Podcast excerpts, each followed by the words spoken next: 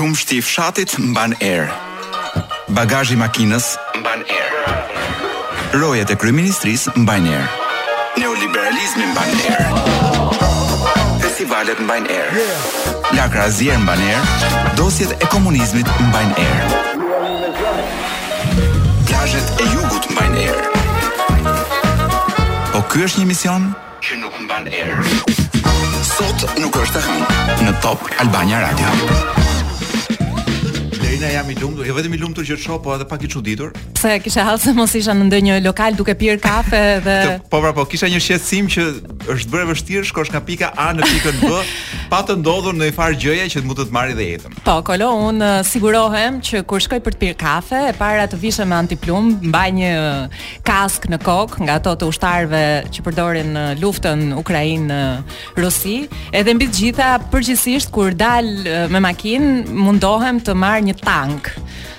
Unë do kisha sugjeruar këtë pjesën e kafes që të jesh më e, më komode një maskë, nga këto një çorape në kokë domethënë sepse ata e njohin një thonë që ka dora jonë kjo. Shiko, Si siç mund ta kesh vënë re nga ngjarja dramatike, tragjike e mbrëmshme, ata nuk është se përzgjedhin, ë? Domethënë e lëshojnë edhe kë të zërë le të zërë. Domethënë me çorape, me geta, pa fare. Nuk e zë dëgjo mua, nuk e zë plumbi çorapen, se është janë brenda llojit, domethënë është ku diun energjia nuk shkon domethënë te çorapja. Po desha them që nuk është vetëm kjo pjesa e, e, e atentateve. Po. se sikur u çmësuam njerëz ishte periudhë që çdo javë hidhej një makinë në erë në Tiranë domethënë gjëra të bukura që ndodhin po, në pra, po. kryeqytete të, të sigurta si ky joni. Unë besoj që do ketë pasur ndonjë renditje të çuditshme planetash se nuk ka mundësi nga domethënë kjo javë. Jo, jo. Jo, po kjo javë ka shënuar ngjarje të tmerrshme po, nga aksidente deri te fluturimet me makinë. Pikërisht, pra pikërisht. Mua më duken të gjitha ngjarje të paralajmëruara me thënë të drejtën. Nga pra, kush? Unë, unë nga ndonjë Nostradamus që nuk kemi ditur ta dëgjojmë.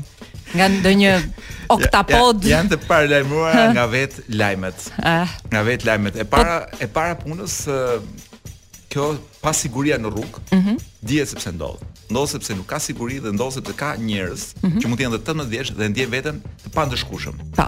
Pra njerëz të cilët besojnë që unë mund të bëj çfarë të dua, mund të bëj garë shpejtësie, çfarë të dua mm -hmm. dhe unë kam babin, babi ka deputetin, deputeti ka kryeministrin, pra ky është zinxhiri pak a shumë. Mund të jetë me dy hallka, mund të jetë me një hallkë ky zinxhiri.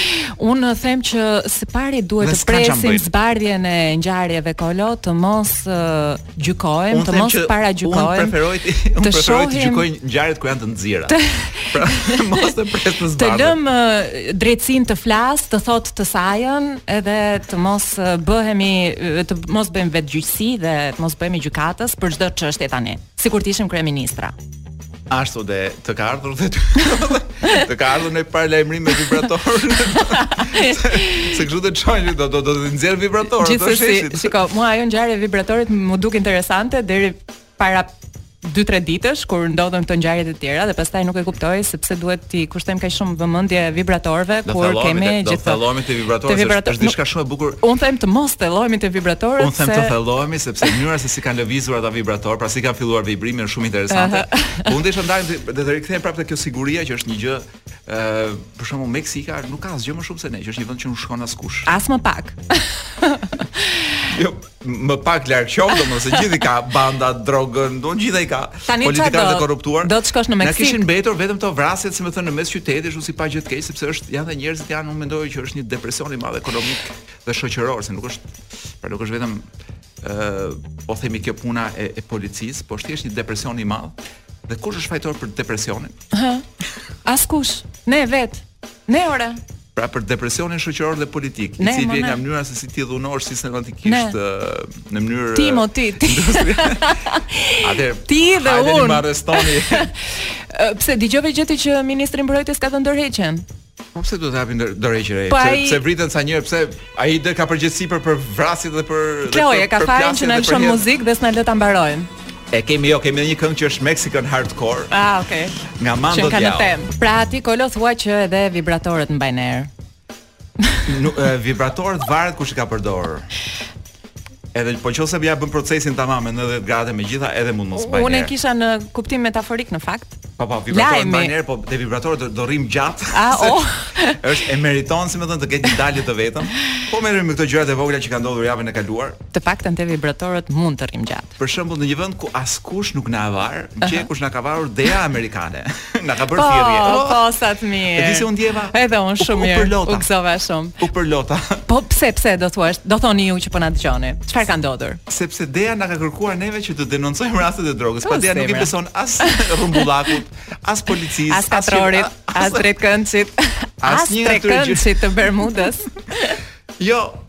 DEA thotë, i vetmi e vetmja shpresë është që këta njerëzit e gjorë që dinë çdo gjë që ndodh te vendi, por nuk i pyet njeri dhe nuk dhe ua kanë mbyllur gojën, të hapin gojën dhe të flasin. Ideja, mua më pëlqeu shumë sepse më m'u duk i mbështetur mbi një model që në vendin tonë funksionon prej vitesh, që është ai i qytetarit dixhital. Që i shkruan Berishës. Po. Do me thënë, edhe një herë, doktori është prekursor dhe uh, hap rrugën Shteteve të Bashkuara të Amerikës, u ofron një model për të mposhtur... Dje që së bëja ka çarë, do me thënë, me gjoks rrugën, drejt inovacionit. Më pëlqen shumë, më pëlqen. Edhe ja ku shkojnë të gjithë në gjurmët e tij në fund të fundit. Më po, ishte një ngjarje dhe tashmë kemi më në fund një një vesh që na dëgjon që është veshi i DEA-s. Nuk është vesh shqiptar, po tash të paktën është një vesh. Po. Edhe tani të gjithë ata që merrnin dikur uh, Bashkimin në mëngjes për të ankuar, mund të ankohen te DEA. jo se bashkimi nuk zgjidhte punë. Le të themi, po te bashkimi, do linja filloi të zihej nga ca njerëz, të cilët që donin të komunikonin për gjëra intime. Bashkimi nuk e kini për gjëra intime. Po ke t'i thuash për një drogë, për një gjë, ti do t'i thuash. Po, dhe po, shkosh te po. bashkimi t'i thuash bashkim më dhemb këtu e më dhemb aty domethën. Tani kam një pyetje, duhet të dish anglisht për të shprehur te DEA apo? funksionojnë me atë je ne sais pas. Ëh, je ne sais pas. Ëh, besoj që aty duhet të kenë vënë edhe njerëz që Mjafton që përkthyes të mos jetë uh, ambasadorja e Shteteve të Bashkuara në Shqipëri. Shpresoj që jo. Unë unë jam shumë kurioz të di njerëzit e pamësuar me denoncime, pra Se është gjë e re fare, po ndodhi gjë komplet e re. Pra ne na kanë kërkuar të denoncojmë. Po po po po po çfarë do bëjmë? Dhe shpresoj që njerëzit nuk do nuk do, si me thënë, do kenë komplekse nda ndaj komunikimit me të huajt. Mhm. Dhe shpresoj që mos funksionojnë me ndërkombëtarët. Me formulën që ua, po si do ta themi atyre do të thonë turpet tona. Po pra, se ne kemi. Po pra të palarat tona. E, t'i lajmë jashtë. Kanë shkrirë krimin ekonomik. Çfarë? e kanë shkrirë shkrimin ekonomik. Shkrimi ekonomik që thua ti, uh -huh. sepse ishte krimi, po e kanë shkrirë dhe u bë shkrimi. Ëh, ma u ngrit me bujë të madhe pa. dhe po. befas doli u bë një komision, një komitet, një dhe, një dhe doli që nuk paska bërë asnjë Asnjë punë. Po çudi e madhe. Në një vend ku të gjithë punojnë në mënyrë të shkëlqyer, ku gjithçka shkon për së mbari, vetëm shkrimi ekonomik ishte një çik mbrapa. Kishte ngel çik mbrapa ishte. Uh -huh. Po themi ngelës dhe rrumbullaku Ti di kur të shkrin rrumbullaku është. Të lutem mos na thuaj me mbiemër se nuk e përballoj dot. Vëri uh, titullin e institucionit që përfaqëson, vëri diçka përpara. Unë mendoj që do, doktor, si t'ia gjejmë, doktor Rumbullaku? Profesor. se, nuk e di, vëri diçka po jo me mbiemër. Gjeneral, nuk i them dot, sepse është një gjeneral ku po i del po i nami këtu poshtë, domethënë në, në, jetën e përditshme, po le të themi që uh, profesor uh, Rumbullaku është njeri që beson tek ngrohja globale ka thënë që do shkrijnë vetë, pse të vjen dhe shkrihet nga bashkë me akujt. Ëh, por fakti që në këtë vend ndodh diçka që pra, me të shkri qeveria për paaftësi në këtë vend, është ajo batuta e lashtë, por është gjithmonë aktuale që është si me të heqë nga nga bordeli, pra me të pushu nga bordeli për imoralitet. Po. Ëh, do detaje më shumë, jo, po s'ka fare detaje. Ndërkohë që Jo, dua të di kur do shkrin edhe këtë komitetin e naftëtarëve të të jo jo. Ata se do se do ta se komitetin e Arbrit do. Jo, jo, jo. Sa do ta shkrish të shkrish. Jo, më jo, këto që vënë çmimet për karburantet, hidrokarburet. Këta që thonë u rrit 3 lek, u ul 4 lek. Ua, këta- Ta shtojmë plus 4 Këta minus he- 2. këta heqin ministrat me. I, i diti kush janë ata, ata janë don, ata janë krahu i djathtë i gjithë njerëzve tonë që ja fusin Shqipërisë. Bukur. Ë, Ke tjetër lajm se kam një shumë bukur. Do të thotë i lutem, vetëm që të- kam. të- të ndro- E ke e, e ke dëgjuar atë shprehjen e Në qoftë se mençur? shumë, në qoftë se është shumë i bukur. Shumë i bukur është. mos do Hajde ta lëmë për themi në fund, këto- hajde. Ta lëmë kështu ta ta mbyllim Po, kështu me një me një po. me një babam. Po. Ë, kemi fa, fami, fasulen e Maliqit.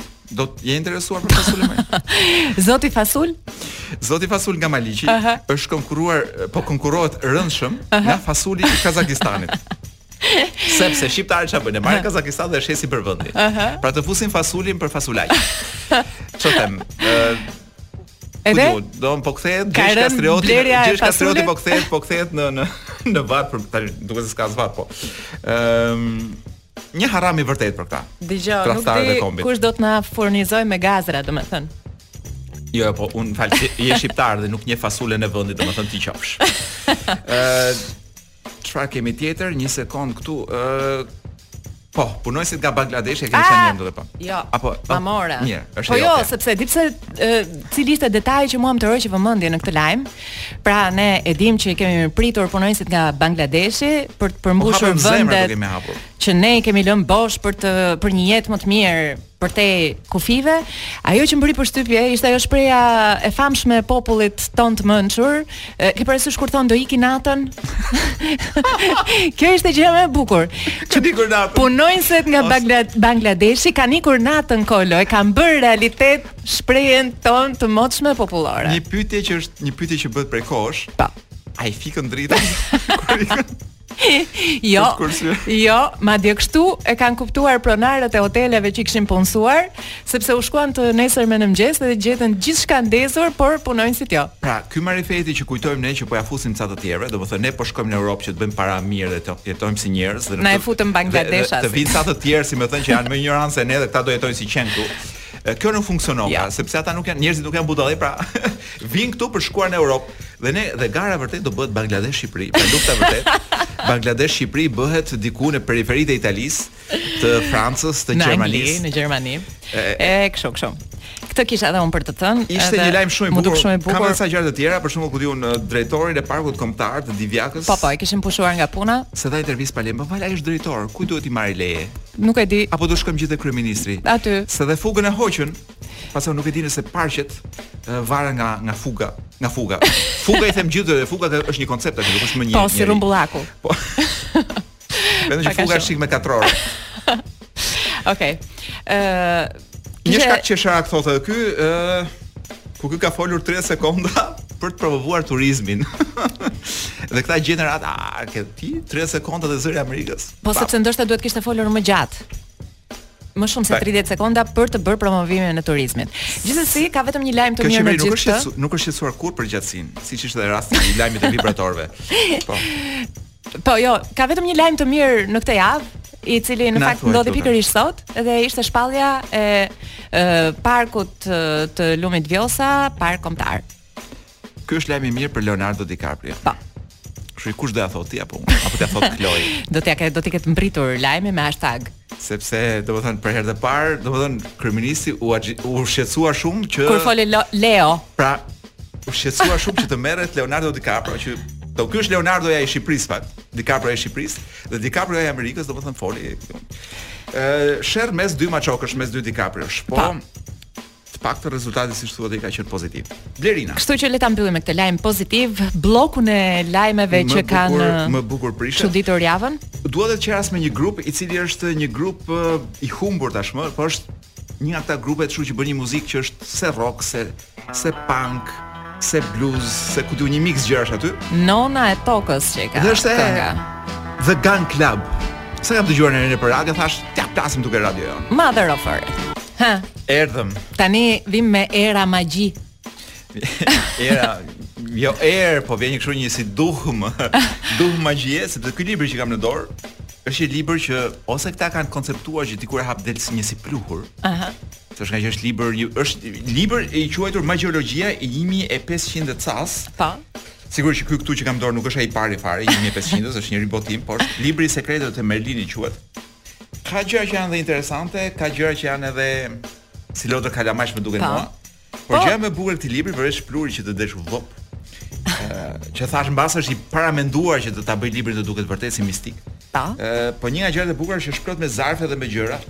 U gjeta një kupon.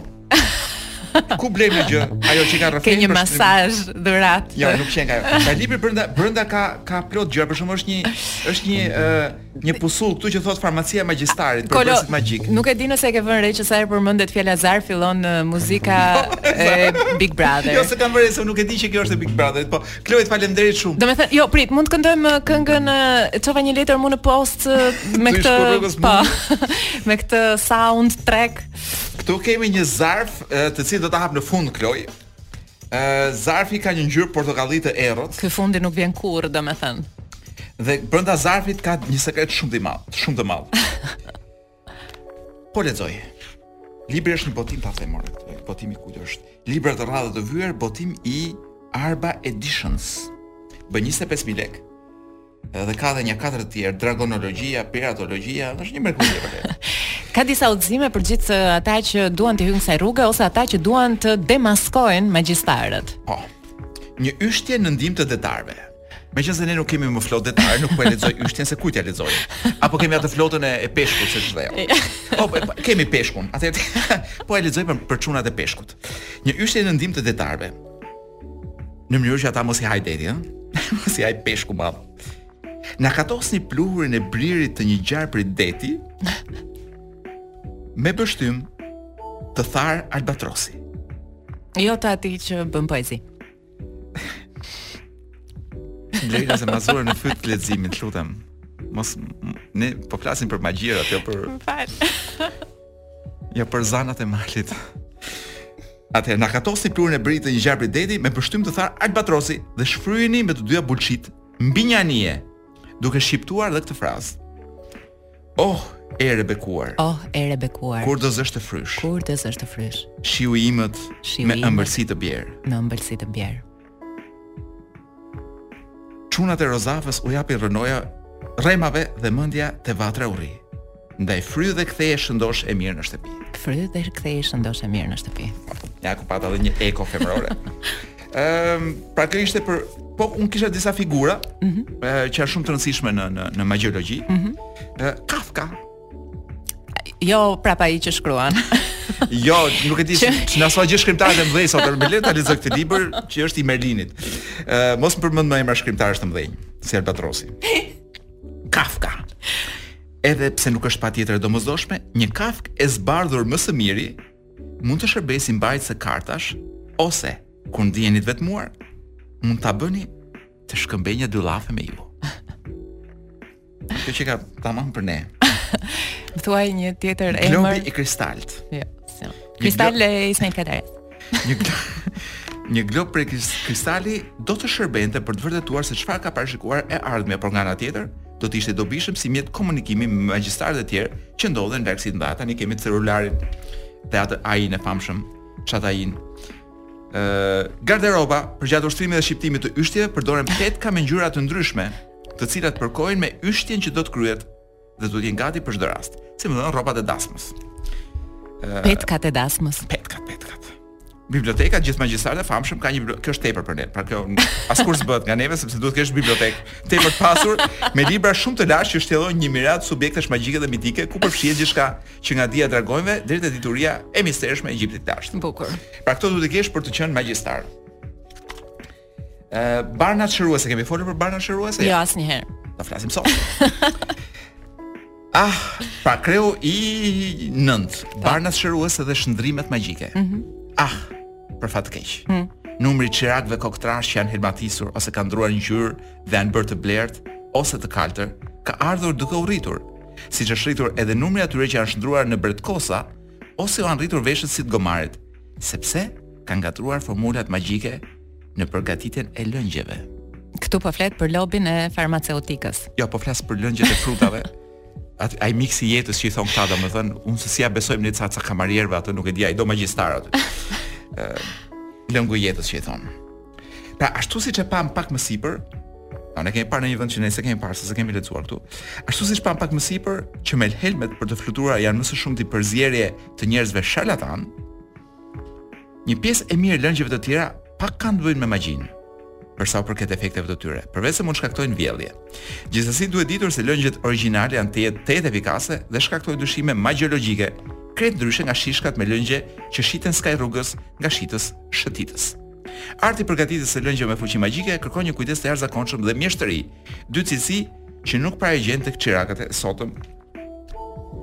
Dhe ka treguar ka këtu një një një libër të vogël brenda librit. Po. Një fletorkë që thotë përbërësit magjik. Ha një. Farmacia e magjistarit. Të thash, të thash se do vinte farmacia? Ë Ua, këtu qenkan lulet për vërtet, jo? Atëherë farmacia e magjistarit, magjistarët njohin shumë shumë bimë dhe elemente të tjera magjike me emrat e tyre sekretë në mënyrë që të fshehin natyrën e vërtetë nga njerëzit e zakonshëm. Mm. Kujdes, barërat magjike nuk duhet të mbllaçiten, përveç se kur këtë e kërkon yshtja. Një nga këto uh, bimë është syri i piklores. Kjo lule e quajtur edhe syri i luledeles, mblidhet nga mesdita deri në orën 1 të pasdites së një dite vere dhe më pas lihet të thahet në diell.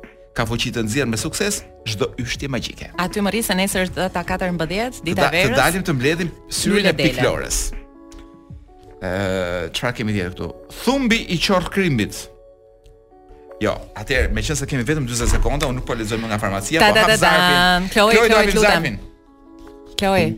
Zarfi, ja, po bëj dhe zhurmën e zarfi që është. Pa pa. Zarfi që u hap dhe brenda ka një pusullë. Ç'të jetë kjo pusullë?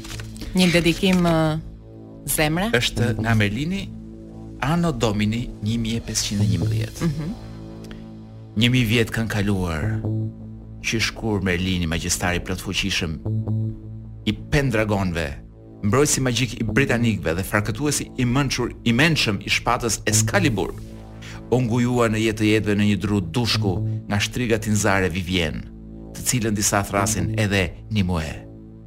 Një mijë vjet, qysh kur arti i magjisë ushtrohej në trajtën e vet të njëmendtë, në kohë, në një kohë që dijet e fshehta sa vijnë e po shterojnë. Sot e kësaj dite, të gjithë ata që e quajnë veten magjistar nuk janë veçse ca ngatrrestarë, të padenjë për emrin që mëtojnë të mbajnë. Ndërkohë, ata që mund të bëshin çirakët ose nxënësit më të zot e humbasin kohën me shkencat laborake. Kësodore falë magjisë bëra të mundur që një pjesë të drurit të dushkut, e cila është qelia ime, ta shndërroj në libër.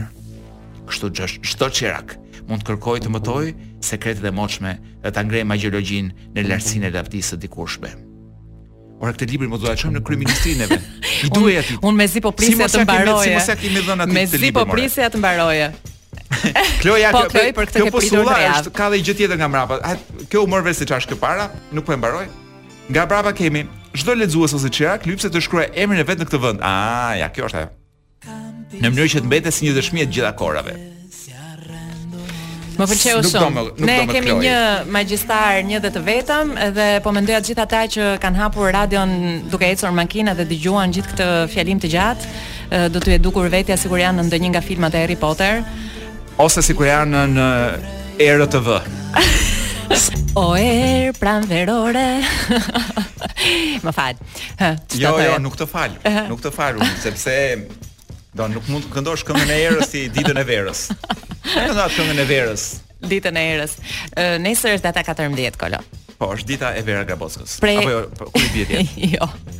Nesër është dita e verës, një festë po, pra. e lashtë, shumë e lashtë.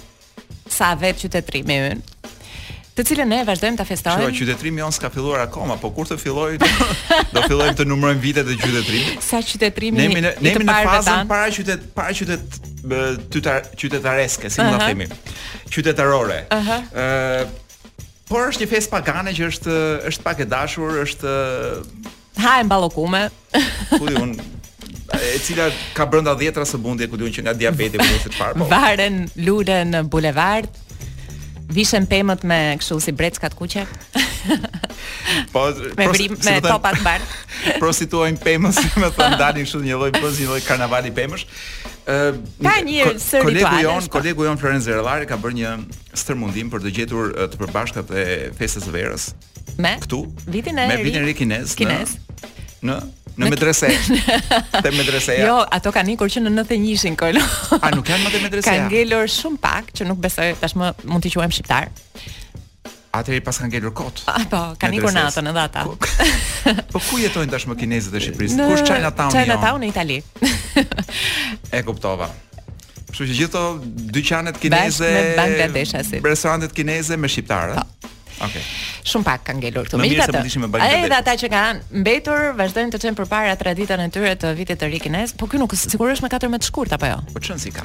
Ë ditën e Domethënë ne, të dashuruarve. ne po përpiqemi të kuptojmë ku ngjasojmë ne, domethënë festa jonë me festën e këtyre. Atëre, Ta filloj unë. jepi. Ë elementi i rëndësishëm në dyja festat, pra për vitin e ri kinez dhe për ë, nuk nuk di nëse mund të them viti i ri, viti zgjedhor shqiptar, është zjarri. Ndryshimi vetëm është që kinezët i vënë zjarrin vendit me fishekzjarrë. Ne i vëmë zjarrin vendit duke votuar, domethënë është sepse është sezon votimi. Duman, duman. Të dyja janë festa për ardhjen e pranverës. Në Kinë pranvera simbolizon bereqet, te ne simbolizon tonifikimin e trupit nëpër palestra për t'u bërë gati për plazh. E fillojnë të gjithë palestrën tani. Po është po. Që të jesh gati në qershor. Që ti pas dy muajsh gati. Korrik. Po. Ë në Kinë orizi është ushqimi kryesor. Domethënë, që unë mendoj që edhe këtu, po këtu nuk është. Këtu është pilafi, po jo për zgjedhje, domethënë, në Kinë është traditë këtu pilafi sepse është gjëja më e lirë që mund të hash. Ashtu dhe. Pra është për shkaqe ekonomike zgjedhja e orizit. Ë në të shkuarën njerëzit u luteshin perëndive për një pranverë sa më të mirë. Edhe sot u lutemi perëndive, por në vend të Zanës së Çermenikës dhe dragonjve, u lutemi magjiolo, magjistarëve, le ta themi kështu. Ë liderëve supremë, siç mund të jenë Rama apo Jinpingu. Kjo është e njëjta gjë si këtu si në Të dyja festat janë thellësisht të komercializuara. Në Kinë harxhojnë më shumë për ushqime dhe zbukurime. Në Shqipëri kryesisht investimet bëhen për të zëvendësuar telefonat që u vjedhin xhepistët. Po, e qartë. Po është kjo është dia unë do e quaja dita e xhepistëve Dita e Verës, sepse është momenti më i mirë për të qenë kështu tek për te, jo për të për, për, për të qenë i ngjeshur me qindra mijëra njerëz të tjerë që ecin në rrugë që rrasen nëpër parqe etj etj. Dhe në fakt të dyja festat, zbukurimet e tyre i kanë made in China. Po kjo është një në fakt. Kjo është një e vërtetë e madhe. Kjo është një e vërtetë e madhe. Ë dhe të dyja festat kanë ngjyrë kryesore të kuqen. Po. Edhe kaq ka ka, ka nevojë të flasim pse është e kuqja këtu? Jo. Jo, jo, jo. Është ngjyra e partisë. Ë, a dhurohen edhe lekë në të dy rastet, në Kinë i dhurojnë, i fusin në zarfa të kuq dhe ua japin fëmijëve, këtu ta fusin në byrek dhe të thyen dhëmbët. Okej. Okay. E mbyllëm me këtë vitin e ri kinez dhe vitin e ri të, të Elbasanit. Ky është Artur Hash. Ha.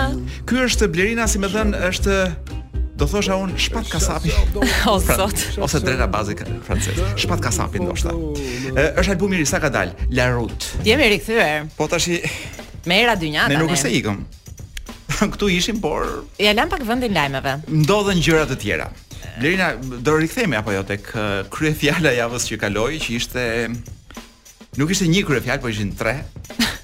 Dhe nuk e di nëse mund ta them kryefjalë apo kryevibratorët e javës që kaloi ishin tre. Tani ngjarja që na rrëmbeu zemrat, mendjen, kohën pa. Po. ishte zbulimi, siç u tha, i tre vibratorëve në ambientet e Nuk e di se ku. Në shkollë ku u zbuluan? Jo, më jo, u zbuluan në jo, një në një nga shtëpitë, jo, në një nga shtëpitë. Kloj. Në plazh, në plazh. Vibratorët në shkolla janë pjesë e procesit mësimor, Kloj. Nuk nuk dalin në lajme. Po flasim, po flasim për Sa mirë që s'ke mikrofon. Kloj, Kloj ka luksin që na flet në vesh dhe dëgjojmë veç neve. Ë me me ato si si me thënë me çiltërsinë e rinisë së vet. Megjithatë ndiejmë nevojën të shpjegojmë pse ne po flasim kaq gjatë për vibratorët. Se do po. thonë po këta ç'kanë. Si e kanë hallin. Në një moment u bëra dhe. Ç'mungesa kanë. Pra kur, kur ndodhën ose ç'teprica kanë, kur ndodhi ngjarja e tre vibratorëve, ngjarja domethënë po, lajmi po. kur doli, më erdhën në mend ca batuta, thashë t'i ruaj për në radio, nuk ia thashë as njerëzve të shtëpisë, që po. mos e konsumoja. Po. Po dolën aq shumë meme dhe aq shumë saqë, unë i harxhuan të tëra. pra u konsumua dhe u thanë gjëra aq perla saqë thashë po, po nuk ka asnjë shans po, që ne në radio të mund të bëjmë një batutë më të bukur se këto. E vërtetë është. Dhe kaq shumë u entuziazmuam sa nuk morëm vesh një gjë po mirë, nga doli ky lajm dhe si doli ky lajm. E po. vërtetë është që ai është një lajm i rrem. Po. Pra te, tre vibratorët e Arben Ahmetajt. Nuk janë të vërtetë. Këtë po e themi ne, ëh, nuk është se e ka thënë dikush apo ka përgënjeshtruar dikush lajmin. Ne kemi bërë ti, jo, lajmin, më saktë, ke bërë një research. Unë nuk, nuk besoj se nuk besoj se dikush, domethënë, edhe në qoftë se është bërë një përgënjeshtrim nga i zoti i presupozuar i vibratorëve. Askush nuk do e botonte sepse prishet ky lajm, është më i bukur ky lajm i tjetër. Ku m'i keni çuar dy të tjerët? Unë nuk besoj se ai hallexhiu ka ka domethënë ka kohë sepse ka probleme të tjera me sa kuptoj. Pra nuk nuk e ka shumë vëmendjen te vibratorët, por lajmi është komplet i pakonfirmuar. E vërtetë është kjo. Është një lajm që nuk dihet nga vjen, vjen nga portale periferike që nuk dihet kush i ka dhe pse i ka. Dhe mbi të gjitha është një lajm që nuk e merr përsipër asnjë njeri. Pra nuk ka një deklaratë zyrtare e, e po themi e objekteve të gjetura. Gjykatësi ynë Suprem nuk ka folur. Dhe mbi të gjitha, kushdo që ka qenë brenda në që ka bërë atë po themi për pak thashë hetimin, hulumtimin. Kushdo që ka qenë turist te shtëpitë e Ahmetit, ë uh -huh. uh, sigurisht që duhet kohë për të zbardhur dhe listën dhe unë nuk besoj se vibratorët hyn ke një listë interesi.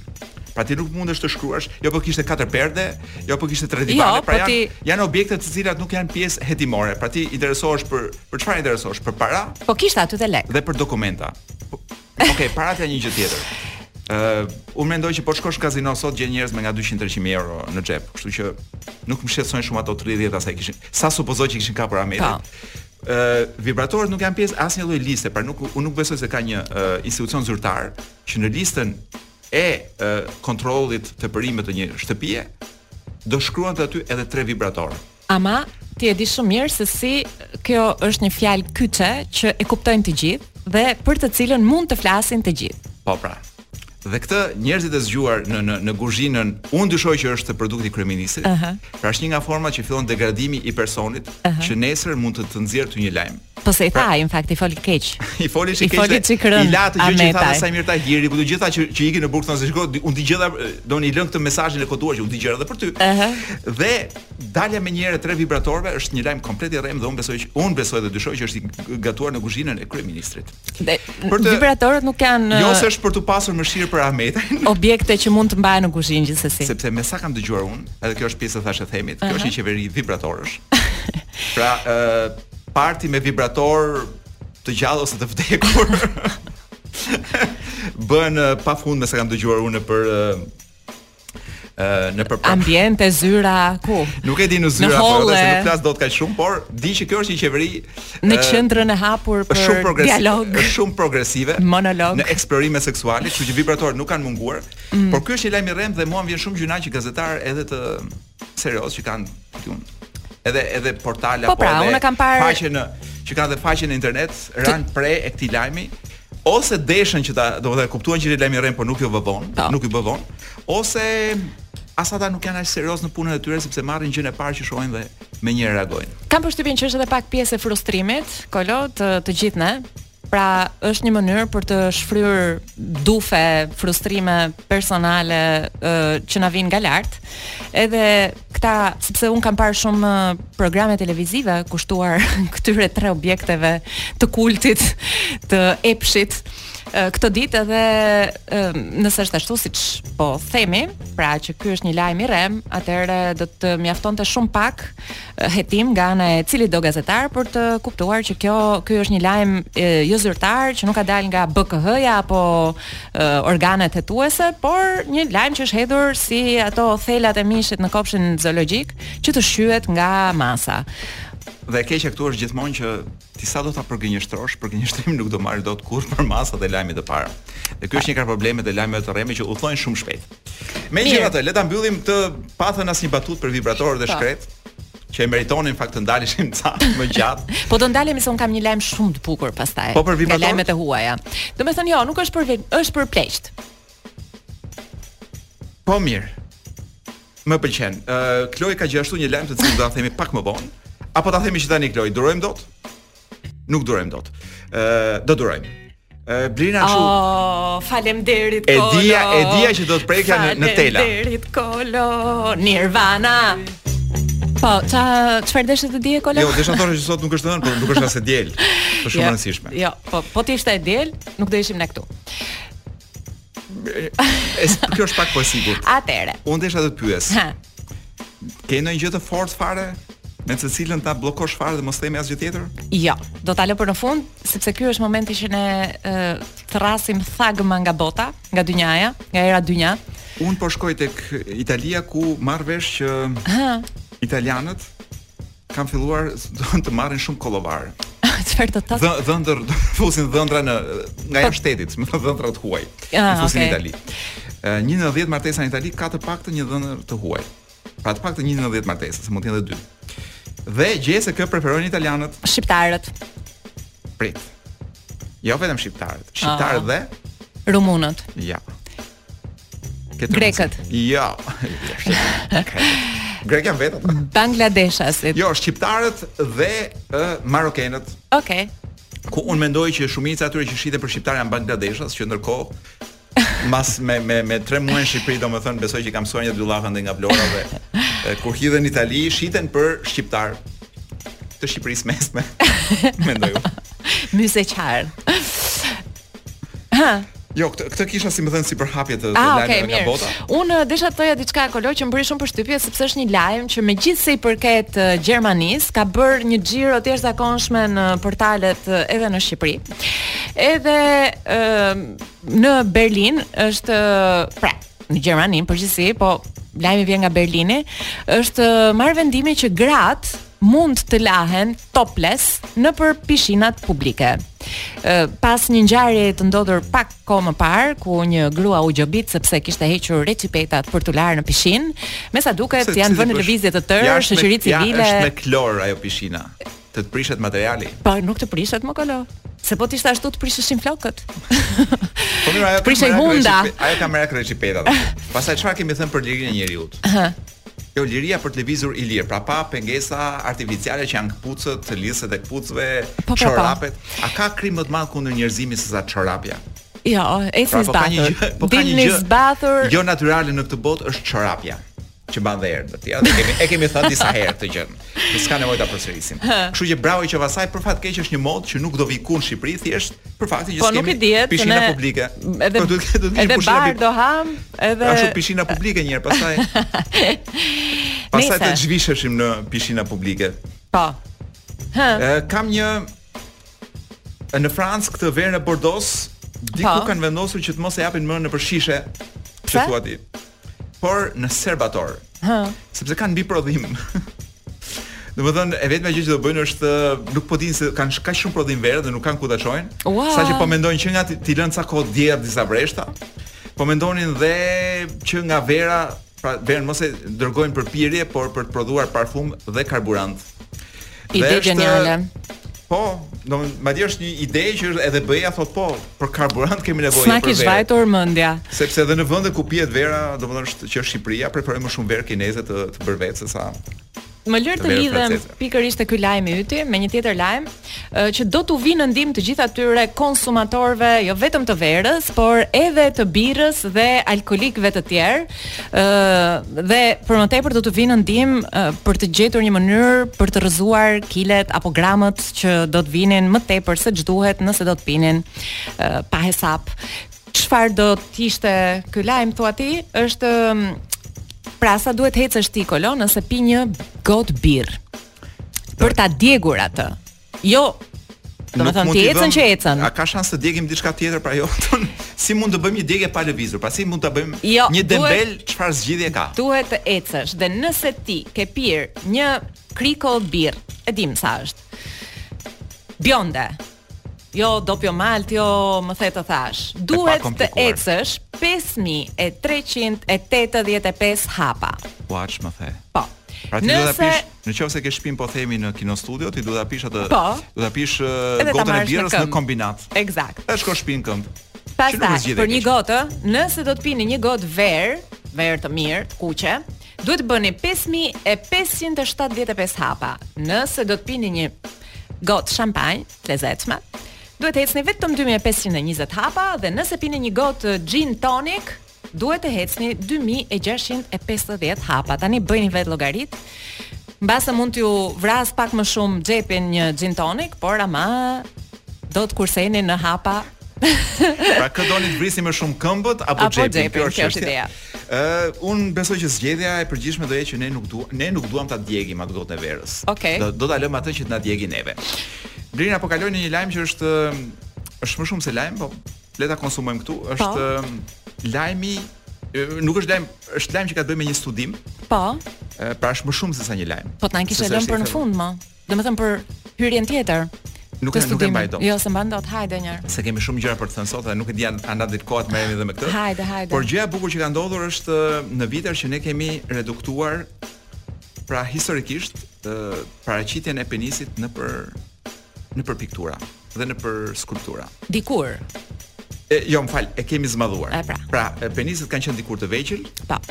Ndoshta kanë qenë aq realisht. E vërtetë. Jo, dhe, nuk e di. Jo, të dhëna. E vërteta është që pasqyrimi i tyre në statuja apo në tablo Ka qenë ashtu. Një gjë e vogël sepse ndoshta ka të bëjë me, me jo ndoshta po besoj se ka të bëjë me konceptin estetik që kemi për penisin. Ka në, pra, të shkuar. Pra dikur mendohej që penisi i vogël ishte më elegant. Ka dhe arsye të tjera, në statujat greke, arsyeja pse Por ti nuk mund ta kesh penisin më të madh se hundën, mendoj unë. Unë nuk e di, a ndajnë të gjithë të njëjtin mendim me mua se jam shumë jam si jo, ja 3000 vjet para ka një arsye të Po kështu ka qenë Davidi, po ta shohësh aq sa ç'ka hundën ka dhe penisin. Shiko, në statujat greke kjo ka qenë sepse konsiderohej asokohe më i përmbajtur një burrë që po, sepse dinte të kontrollonte virilitetin e tij. Dhe luftëtarët paraqiteshin pikërisht në këtë mënyrë, ndërsa të tjerët ata Pra ta kontrollojë që i bëte kështu një kështu një. Kërciste gishtat ai fap. Eksakt. Po. Zvogloj. Eksakt. Dhe në gjitha po të shohim gjithë penisët e Greqisë së lashtë, un kam dëgjuar që të Greqisë moderne janë shumë të vegjël. Kjo është arsye. Ndërkohë që me kalimin e viteve, ë filluan burrat të thoshin po prit mos e me sa kuptojmë është trendi po ndryshon dhe mhm. trendi shkon drejt penisëve të mëdhenj. Dhe tashmë në skulptura dhe në në në edhe në piktura moderne janë Po pse pse? Janë të zmadh, janë madje edhe mbi përmasat normale. neve kemi për fat këtu në radio kemi një të vogël. ne kemi shumë të vegjël, po. Do të thosha që në radio kemi një një një një poster të madh të Davidit. Që e ka të vogël. Shyqyr Zotit e ka të vogël, se është ai Davidi i vjetër, nuk është ndonjë nga këto Davidët, Davidoviçët e sotëm. Ë kështu pra, ja ç'i kanë bërë penisit të shkretë ndër vite, e kanë masakruar. o ju anzim jetën, o nuk ka. Domethën, ky është momenti i dytë më i mërzitshëm i një programi në radio. Ku njeriu që i vetëm që është i detyruar të duro, të duroj këtë gjë, pasi kushdo mund ndrrojë kanalin e radios, po vetëm Kloi nuk nuk na ndrron dot neve, sepse është në punë. Pra po jashtë, jashtë të ndodh vështirësitë në të paguajnë për vështirësi në vendin e punës Kloi. As në jetë, thotë Kloi. Jo më në punë. Po shiko, ti mund ta përdorësh këtë njohuri që do të marrësh në këtë çast te Kloi nesër kur të shkosh në shkollë. Pra Kloi, ky është ky është ë momenti. nesër që ka pushim o Ky është Kloi. momenti Kloi që ti të rikujtosh gjëra që nuk i ke bërë në shkollë. Jemi komplet gabim. Kam hapur përpara Fjalorin e gjuhës së sotme shqipe. Që tashmë është fjalo. Fjalori i gjuhës sotme. Së sotme. Fjalori i gjuhës së 1972-shit shqipe. Ky është i 1980-s. Po, por bazuar mbi atë të 72-shit. Dhe siç thamë, neve do pa. Po. deri për 10 vitet e ardhshme do të lexojmë faqe nga ky fjalor. Oh. Dhe mashallah ka faqe plot. Jepi. Thjesht për të për të zhvarrosur për një herë të vetme Në një fjalë që na, domethënë që tashmë e kemi groposur dhe nuk e nxjerrim më. Ku je? Te cila germë? jam jo vetëm që jam tek A-ja, po jam në fillim të A-së. Pra jam në faqet e para të A-së, jemi imagjino. Ë uh, sapo kemi kaluar A-B-në. Abazhur. Ë uh, çfarë kemi këtu? Jo, acarimin e pamë radhën e e radhën e kaluar. Ja. Acetileni nuk e di a folëm, po, po, që shikaj folëm, folëm. Po zbrit një dy faqe, zbrit. Jo, jo, nuk nuk lejoj unë. Unë jam tek acidi. Fal, acidi. Acidi e dimë se çfarë është. Açiku, besoj që shumica e di që është diçka e hapët e çelët. Përdoret kryesisht për ngjyrat. Ose që do thotë diçka që del hapur, si me okay. thënë. Doli açik. Këta nga veriu e përdorin shumë. Po. Çfarë kemi fjalë të tjera? Aderimin besoj se e dimë, adekuatin shpresoj që ta dimë. Kemi fjalën adër. Ua, si një shoqja ime. Adër është është krahinore, nuk e di nga cila krahinë, që do thotë gjepura, profka. Shaka. Adra. Hoka. Pra dikush që thotë Adra. Mos fol Adra. Sa bukur se ne kemi vetëm ne përdorim vetëm fjalën shaka, gjithë ato të tjerat këto hokat. Po, po. Ë Adrën nuk e përdorim fare. Adërtar është ai që thotë që përdor Adrat pra. Adërtar është një që thotë gjepura, shakara. Jo, është nga këta. Është profkatar. Prof Katar. Pra që thot profka po. Po. ose hokatare që thot hoka. Adërtar thamë. Uh -huh. Adërtare. Kalojmë. Je një adërtar ti që s'e ke shokun. Të lënsha adrën. Ç'të të them. E, kalojmë më tej adjutantin, besoj jemi Po, po. Në ushtri. Shpresoj që shumica e shqiptarëve ta dinë, kështu që nuk po ndalem aty. E, Admirueshëm, admiroj këtu, besoj e kemi bërë drop këtë pjesë, administratë, administrim, administruar, adoptimin. yh. drop adresën mendoj që jemi nuk i harrojmë kollaj aero adhurues aeronautikë aerodromi gjithë këto i kemi pak a shumë pak, një fjalë që nuk e përdorim shumë rrim tek uh, variacionet që uh, mbi fjalën afër kemi një afërsi Afërsinë po e përdorim, por një fjalë që nuk e për, një, një nga variacionet është afërina. Afërina. Pra afërsia jote mund të ishte edhe afërinë. Aha. Pra në afërina të qytetit. Pra nuk themi në afërsi qytetit, po mund të po. thoshim në afërina të qytetit. Në rrethina, po. Dhe është më bukur. Don afërina se sa në afërsi E mbajtëm. Është afërmendshen e dim. E afërme sigurisht e dim, prit se s'gjeta tek kjo, te afri. Ça s'gjeta. Ëm ehm, Afaristin po e dim. Ë Oh, gjeta Afionin. A, avionin. Afion, Afion. Afioni është është një avion i butë. Jo, është versioni tjetër i fjalës hashash. Oh, oh, wow. Pra kur themi hashash, mund të themi shumë mirë afion. Dhe e sigurt që asnjë polic nuk do ta kuptojë. Nuk do na kapin. Pra le të flasim për afion gjithë ditën edhe për sa kile afion për shembull mendove ti që mund të kalosh për për festën e e, e verës. Ëm uh, çfarë kemi tjetër këtu përveç afionit? Kloj nuk e dëgjova mirë çfarë më, më bëre një pyetje shumë të rëndësishme për afionin duket. Në qoftë se polici pastaj ë uh, ka pasur komunikim me gjyshin e vet për fjalorin e gjuhës shqipe, bravo i qoftë, po nuk do ishte polici, do ishte kryeministër. Çfarë kemi tjetër këtu? Ëm um, Afërina thamë, afron sigurisht, afroj, afrueshëm, kisha ca fjalë të bukura që po më ikin. uh, afrohem mirë, këto pak a shumë i dim, i afrueshëm. Gjithë këto janë fjalë të përdorshme, aftësia sigurisht, aftë, afta. Do të thotë çfarë është afta? Afta e dashur Blerina. Është ajo ai lëngu që përdoret për të larguar uh... Hë, hë. Nuk je shumë afër. Hë. Aftat, afta është një term mjekësor. Ë, uh, aftat janë fshikza me lëng të bardhë. ose një plagë e vogël po, po, që po. Po. del në ciprit, se nuk është një plagë që të del kudo në gisht. Jo. Afta të del ë uh, ku e lamë? Në de, të del në cipën e gojës ose në gjuhë. Po. Po. Nga disa lloje sëmundjesh të ndryshme. Pra, bëhesh me afta, po, i dalin afta. Janë shumë bezdisshme. Ë uh, Domethënë për nëse e përdoret për kafshët është edhe shapi hyn po pak pak a shumë domethënë këtu te. Mm -hmm. Fjala shap hyn pak a shumë tek afta. Po sheqeri. Kështu që aftat i morëm vesh se ç'janë. Të lutem shumë të ma përdorësh pak të njëherë në javë. Po, po, po edhe kur s'kam hall? Ua, po shef televizor, nuk nuk janë gjithë një aft njërit.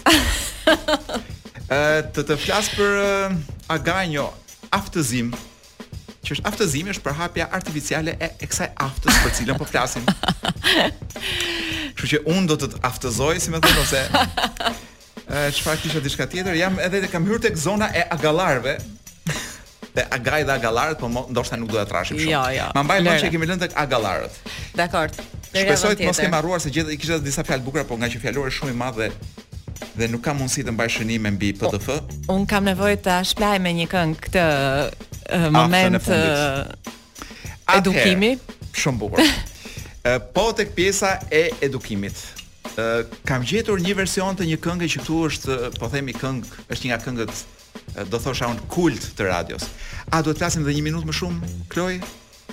Për hatër të Kloit, Blerina, po e hap edhe një herë. Sa ta hapësh ti, do ketë kaluar ai minuti? Po e hap sepse Kloi është pak a shumë si autobuzët e Unazës.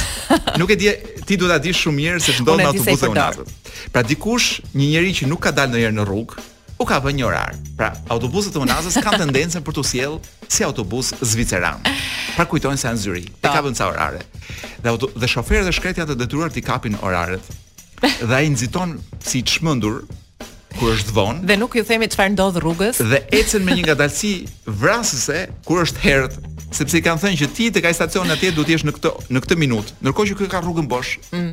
Dhe nuk mund të arrijë 5 minuta para në stacion, pa. Po. sepse ndryshe në si në Zvicër ku në përgjithësi, jo në përgjithësi, po në Zvicër sistemi i automatizuar bën që të përshtaten lëvizjet. Pra qoftë se një tren apo një autobus po ecën më shpejt, Ndryshon sistemi, ndryshon oraret, pra ndryshon dhe ora e mbërritjes.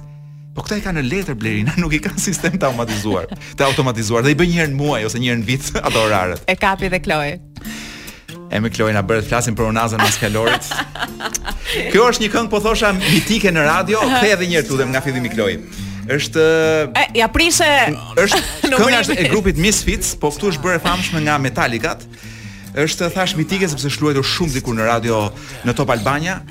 No Leaf Clover. Çfarë thua more? Po diskutonim me dëshirën e mirë për të sjellë diçka të mirë në këtë vend. po na ndryshon agjenda skaleta nga çasti në çast, kishim përgatitur diçka tjetër. Kloi, Kloi na dha një lajm të beftë, shokues. që është gjëja e fundit që mund të themi në këtë në këtë ditë. E rëndësishme është që nuk e di çfarë të bekuar. Kështu që nuk e di për çfarë do flasin Blerina, unë do flas për gjën time, ti fol për gjën tënde, secili të thotë të vetën, edhe ta mbyllim me nder këtë. Shiko, ne kemi një hapësirë ku themi ku kërkojmë pra uh, atë frazën, shprehjen frazeologjike, fjalën e javës, po, kemi, shprehjen e javës. Ne kemi edhe një hapësirë ku zihemi dhe pështyhemi me tifoz, me tifoz, me dëgjuesit e emisionit. Për shembull, gjithë ata që kanë menduar që dalja e fjalorit, pra gjë leximi i fjalorit të gjuhës sotme shqipe, ishte i gjatë, i lodhshëm dhe njerëzit u mekën duke dëgjuar, do t'ju them që fajin e keni ju, se po të kishit mësuar çik më mirë në shkollë, nuk do të rropateshim ne të lexonim fjalor nga nga 10 minuta. Ashtu de. Dhe mos na hajdeni këtu poshtë radios të na protestoni. Turp produksioni. Tani, uh, unë do doja që në këtë dalje të fundit ne të citojmë uh, shprehjen më të fundit të kryeministrit, i cili nuk e di në cilin kontekst, por uh, mua më pëlqeu ta shkëpusja nga uh, lajmet uh, e portaleve, është shprehur paçi fatin e Lali Erit. Tani kujt ja thoshte këtë gjë? S'ka shumë rëndësi. Ja thotë konkurrentëve të Lali Erit. Nuk dua ta di fare. Unë dua t'i them gjithë dëgjuesve që ishin me ne deri tani që na duruan, që na mbajtën mbi kurriz nëpër xhirot e tyre makinë, nga shtëpia në punë, nga puna në shtëpi apo në udhëtimet e tyre, paçi fatin e Lali Erit. Mu më ngjan si urim të them të drejtën. Tani ë Unë nuk e di nëse quhet fat i bardhë apo fat i zi, sepse unë nuk e di pse po le të le të bëjmë ca thashetheme kështu të, po, të zeza. Le të spekulojmë siç thonë në studio televizive. Nuk e di pse po unë shoh atë njeri mbas herët a vonë mbas hekurave, kështu që. Kë more. Dëgjuesin. jo, jo. Atë që do të marrin fatin. Tonë mesatar. Kështu që unë besoj që nëse ka një lloj ku di unë drejtësi hyjnore ose jo do Zoti mun këtë vend ka unë shoh diku çik kështu si në në ah. largësi mbas hekurave. sepse ka jetën e gjatë përpara, domethënë nuk do ketë mundësi të vdesë para se të t'i ndodhi ky ky event. Mm. Po më pëlqen që kryeministri e trajton si sene paç fatin e Marigos, s'ja them dot fjalën me k. Ë, uh, pra është një fjalë që përdoret për të, ku di unë, për të e kërcimtarëve. për balerinat, po le të themi për për bal, jo balerë, po balerinat e krevatit. Dhe vjen shumë mirë që kryeministri e shef kandidatin e tij për kryetar bashkie me këtë sy. Po nuk e di pse do që ne të gjithë të kemi atë lloj fati sepse është e pamundur të kesh fatin e një njeriu që ka në dorë për të firmosur leje miliardëshe ndërtimi. Nuk ka rëndësi për çfarë përflitesh. Dhe nuk e di a, a është një fat që do na takojë të gjithëve. Mirë apo keq, e rëndësishme është të përflitesh. Unë do doja të flisja për diçka tjetër Blerina, Kloj sa kohë kemi? Ke 1 minutë 50 sekonda kohë. Ah, nuk flas dot. Ishte gjë shumë e bukur të cilën do ta lëmë për javën e kaluar. Dhe e dashur Blerina, un kam një dy rekomandime të vogla për gjithë dëgjuesit tan, po. po. Shumë mirë. Jo, meqense jemi në çastet e fundit, do doja thjesht t'i përmendja, t'i kujtoja edhe një herë që të mos dalin nga shtëpia pa u mbathur mirë me antiplumb, e para. E dyta të pyesin kush është pronari i kafenes, ku janë drejtuar të pinë kafen. Sepse nëse është një i kërkuar, i shumë kërkuar, i mesatarisht kërkuar, i përfshirë në afera mafie etj etj, mund edhe ta evitoni sepse kjo është çështja, domethënë duhet ta gjeni vetë sigurinë. Njerëzit e zgjuar e bëjnë prej kohësh këtë Blerina. Dhe ja këtu për e të dy. Më kujton një gazetar që më tregonte që kur shkon në bllok, po. Fillimisht sheh përmbajtjen e tavolinave. Eksakt. Identifikon njerëzit që mund të jenë Eksakt. të ekzekutueshëm dhe thotë jo nuk ulem këtu se mund të ketë një ekzekutim nesër pasnesër. Në qafë paçi veten domethënë ose Zoti ju rujt. Po le ta kthejmë një për shëndetin. Ala salute nga Xhovanoti ne rikthehemi bashkë me Blerina Shehun. Të hënën që vjen.